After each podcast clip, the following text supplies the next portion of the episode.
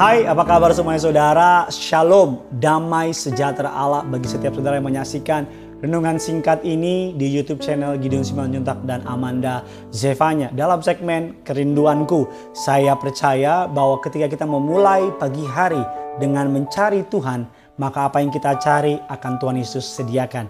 Oleh karena itu, mari sama-sama kita bersatu di dalam doa. Tuhan Yesus yang baik, sesuai firman-Mu, kami cari wajah-Mu, kami cari jalan-Mu, kami cari kerajaanmu karena kami tahu ketika kita cari Tuhan apa yang kita cari di dunia akan Tuhan Yesus sediakan.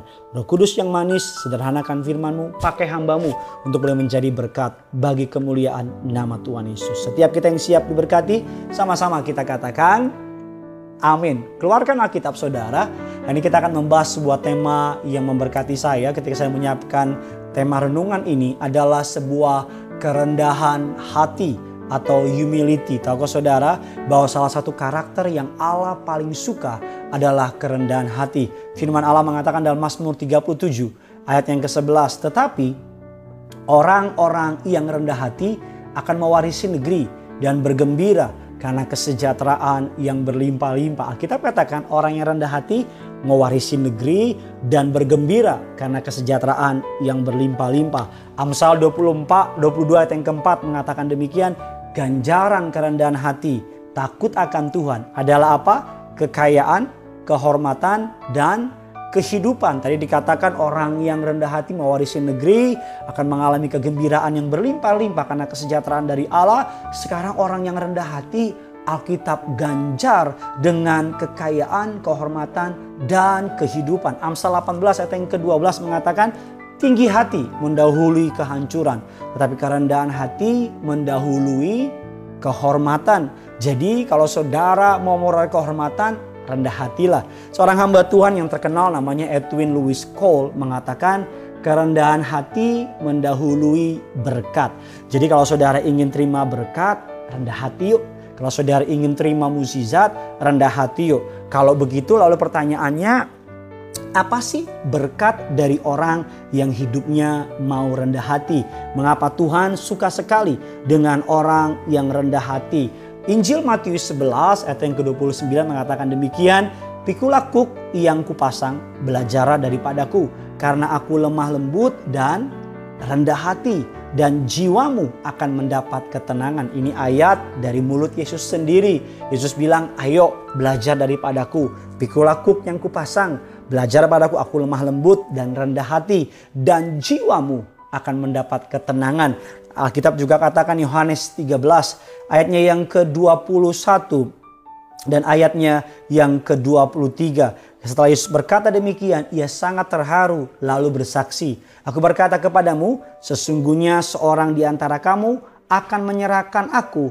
Murid-murid itu memandang seorang kepada yang lain mereka ragu-ragu siapa yang dimaksudnya. Alkitab katakan seorang di antara murid Yesus yaitu murid yang dikasihinya bersandar dekat kepadanya di sebelah kanan Yesus. Saudara penulis kitab Yohanes adalah Yohanes sendiri dan dia hanya di kitab Yohanes ada tulisan murid yang paling dikasihinya. Di kitab yang lain gak ada. Artinya apa? Apa sih rendah hati? Rendah hati adalah mempunyai pandangan yang jelas tentang dirinya sendiri.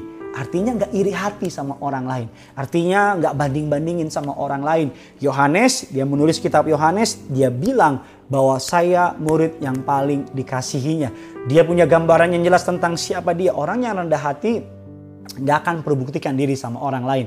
Orang yang rendah hati nggak akan menunjukkan dia bisa A, bisa B karena dia secure sama dirinya. Bahkan sering kali orang yang rendah hati kelihatannya biasa aja, justru melakukan hal-hal yang luar biasa. Pernahkah saudara melihat langit menceritakan siapa dirinya? Langit dengan sendirinya orang tahu dia tinggi, dengan sendirinya orang tahu langit berada di tempat yang lebih tinggi dari kita. Oleh karena itu orang yang rendah hati yang pertama mempunyai pandangan yang jelas tentang dirinya sendiri.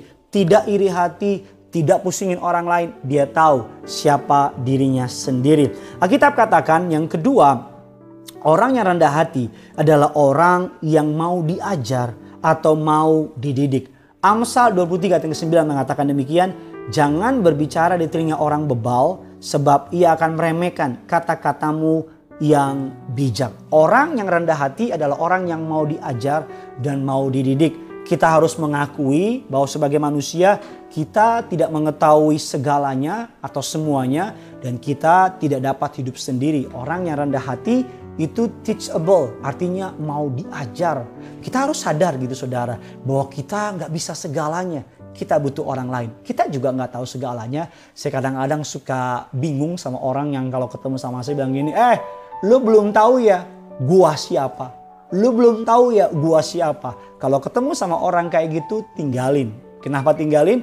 Karena dirinya sendiri aja dia nggak tahu. Apalagi saudara dan saya. Jadi orang yang rendah hati adalah orang yang mau diajar dan orang yang mau dididik. Alkitab mengatakan Mazmur 25 ayat ke-9 mengatakan demikian.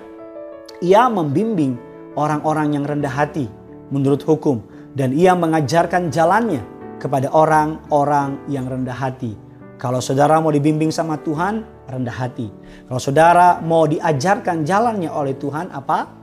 Rendah hati. Dan yang ketiga, yang terakhir, orang yang rendah hati adalah orang yang selalu dan akan selalu berharap kepada Tuhan. Alkitab katakan Mazmur 131 ayat 1 sampai 3 mengatakan, Tuhan, aku tidak tinggi hati, tidak memandang dengan sombong, aku tidak mengejar hal-hal yang terlalu besar atau hal-hal yang terlalu ajaib bagiku. Sesungguhnya aku telah menenangkan dan mendiamkan jiwaku seperti anak yang disapi berbaring di dekat ibunya.